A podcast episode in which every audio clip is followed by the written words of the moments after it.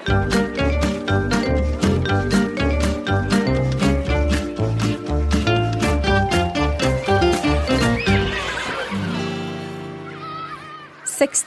av elevene blir forstyrret av uro i klasserommet. Det viser ny forskning. Hva er egentlig uro? Velkommen til Lærerrommet, podkasten fra Utdanningsforbundet. I dag skal vi snakke om uro i norske klasserom. Dreier det seg bare om snakking i timen, eller er det mer alvorlig? Navnet mitt er Vigdis Halver. Og navnet mitt er Marianne Olsen Brøndtveit. Med oss i denne episoden for å snakke om uro som kanskje kan være svekkende både for læring og klassemiljø, så har vi universitetslektor Magnar Ødegård ved Institutt for spesialpedagogikk ved Universitetet i Oslo. Velkommen. Takk for det. Og hei også til deg, lærer Karin Toften fra Halset skole i Trondheim. Takk for det. Først til deg, Ødegård. Kan du definere uro? Det kan jeg gjøre et forsøk på. Slik jeg har definert det, så er det enhver atferd som er tilstrekkelig utenfor det elevene egentlig skal gjøre, til å forstyrre. Så essensen er hvis det oppleves som forstyrrende, så definerer jeg det som uro. Det er din forskning vi viste til innledningsvis her. Du har både med norske og amerikanske elever mellom 15 og 17 år i den undersøkelsen og forskningen du har gjort. Hva kan du fortelle om det du fant ut? Det jeg kan fortelle om det, er at det er en overraskende høy grad av uro, i hvert fall i mine funn. Altså det er innenfor den gruppen som jeg har forsket på. Det er jo, som ble nevnt, nærmere 60% så det betyr jo da at majoriteten av elever blir forstyrret, og det skjer hver dag. Og jeg har avgrenset det til den siste uken som jeg har forsket for å gi dem en sånn kontekst og liksom, ja, tidsramme, da. Så det skjer tilnærmet hver dag, og ofte flere ganger om dagen. Men du har jo også snakket om en slags tredeling for å kategorisere dette litt, for å gjøre det litt ja. sånn at man ikke snakker om alt på en gang? Det er riktig. Jeg har uh, lagd et kontinuum, altså basert på en annen referanse. Uh, der er det mild, moderat og såkalt alvorlig uro. Innenfor den alvorlige uroen så finner vi mobbing, vold, altså den type ting. Det er ikke mitt fokus, jeg ligger mer på den milde til moderate som det klassifiseres i dette kontinuumet. Altså på mild så har vi for eksempel det å snakke høyt i timen. Moderat er snakke høyt i timen, men gjør det litt oftere. Altså dette er atferd som mer eller mindre alle elever kan uttrykke på et tidspunkt. Men mitt argument er at når det er så mye småting, så blir det til slutt stort og alvorlig. Karin Toften, du har i flere år stått i klasserommet, er det over 20? Ja. Du hørte hva Ødegaard eh, sa om uro. Er det slik du ville beskrevet uro? Uh, uro er både Eh, positiv uro og uro som eh, selvfølgelig forstyrrer andre. Og eh, det er mange forskjellige grunner til det. Det er jo pekt på at det både kan være at man er dårlig forberedt, læreren er ikke god nok på det her, men det er òg det er mange andre grunner til det. Og jeg har jo mange elever som sier at de opplever uro i klasserommet, men de er jo sjøl med på å skape den.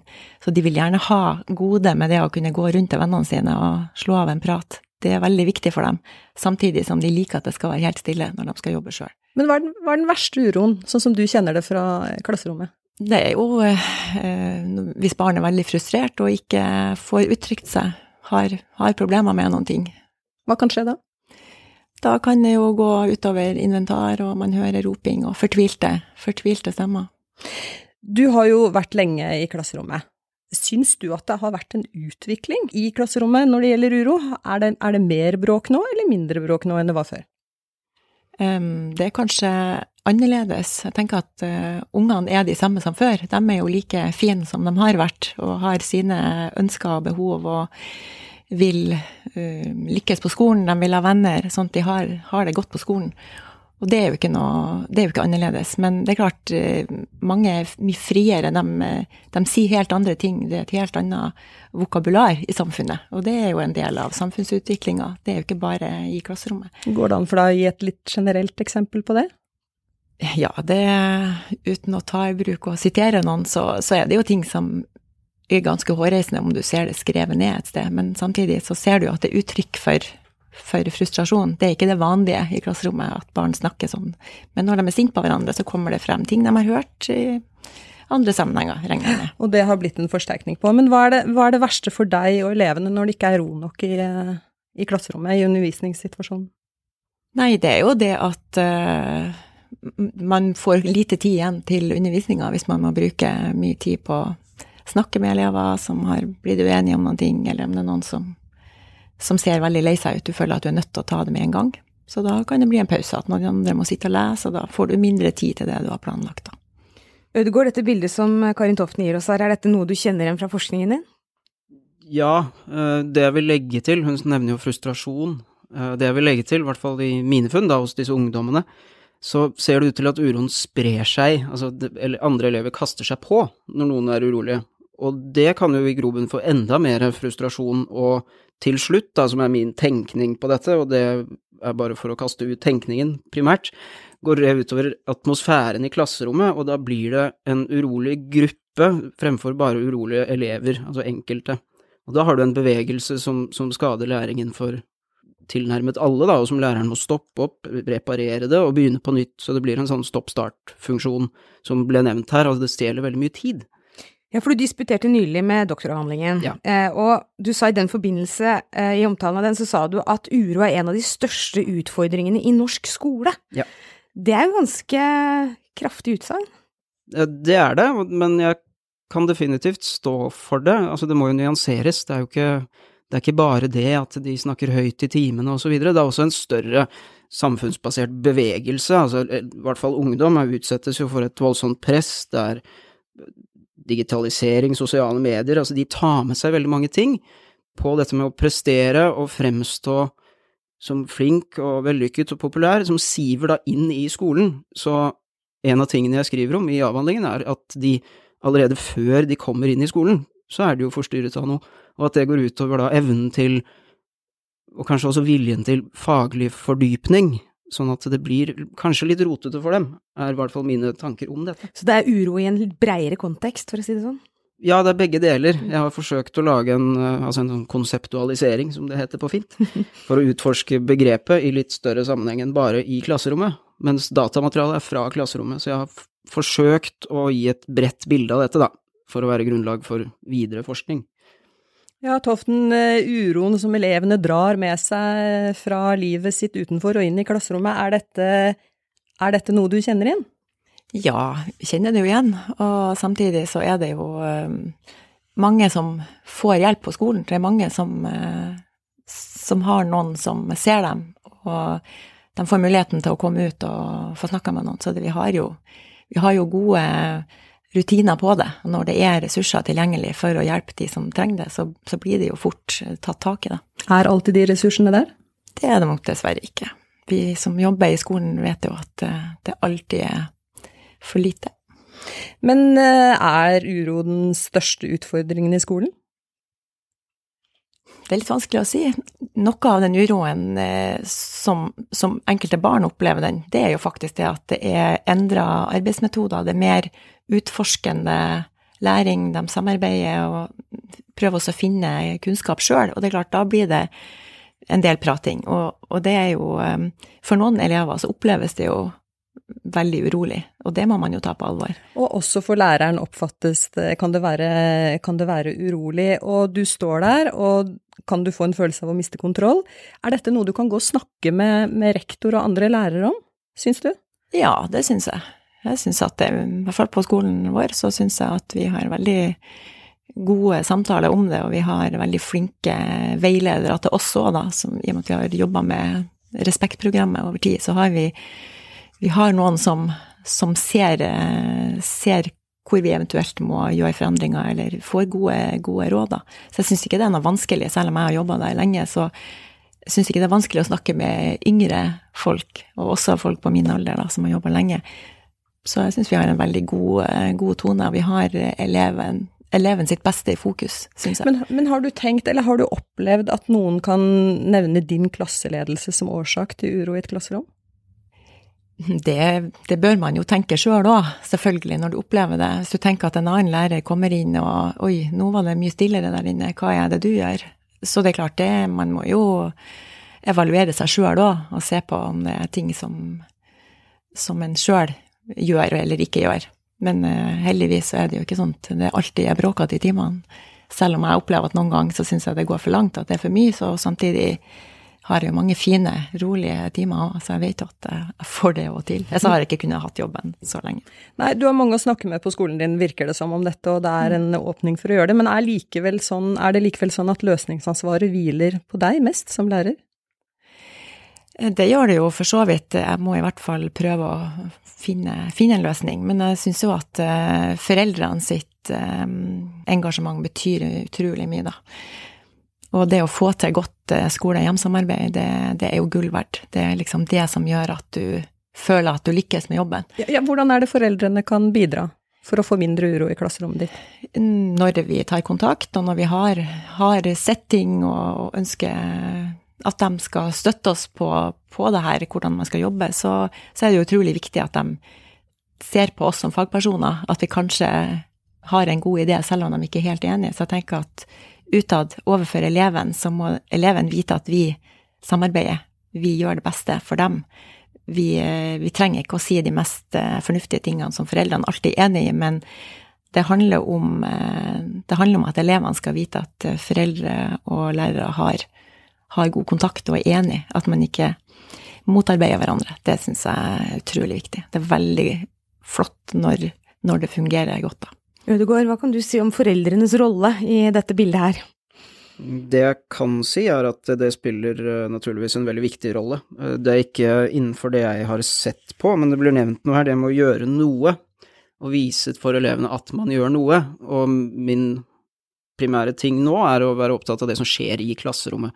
Og i mine funn så ser det ut til at uro dempes noe, så fremt læreren gjør et eller annet. Det ser ikke ut til å være så veldig viktig hva det er, men bare at elevene kan se at ok, det blir tatt tak i, altså man forsøker. Og det er fryktelig spennende etter mitt skjønn, fordi når man bare prøver, selv om man ikke helt vet hvordan det kommer til å gå, så bruker man jo intuisjon, magefølelse, og man har en sånn emosjonell investering i det, som gjør at ok, dette betyr noe for meg på ordentlig. Og hva med de tilfellene hvor det fungerer utmerket, hva er det de lærerne gjør, og hva kan de fortelle om sin magefølelse eller intuisjon? Er det mulig å sette ord på det? Hvis man får til noe og det flyter helt fritt, kan man forklare det? Og da er det veldig interessant for meg da, å prøve å nøste opp i det og undersøke hva det er, men at foreldrene spiller en sentral rolle, det gjør det definitivt, men en del av de elevene i min undersøkelse som utviser uro, mange av dem er jo veldig flinke elever, og som er veldig hyggelige, høflige, stort sett, altså mesteparten av tiden, men likevel er urolige. Så det er ikke nødvendigvis sånn at alle er identifisert som urolige. Det er ganske mange forventninger til hva man kan eh, ønske seg fra en lærer, hva den skal mestre aleine i egenskap av å være i det klasserommet, og bygge på magefølelse, da. Altfor mange. Hva mener du med det, altfor mange? Eh, det er altså ansvaret som ligger på lærere til at altså dette må du rydde opp i, for det er urolig i klassen din. Det er kanskje litt urettferdig å si, for det ligger ikke på læreren helt alene å måtte løse enhver situasjon som oppstår. Eh, noen ganger så trenger man hjelp. Om den hjelpen kommer i form av en samtale etterpå, eller om den kommer mens du står der i klasserommet, det, altså den kan være i flere former, men det viktige er at alt ansvar kan ikke hvile på læreren helt alene. Eh, det kan heller ikke hvile på elevene helt alene. Det må være et samarbeid her, altså et sosialt fellesskap, som man bryr seg om.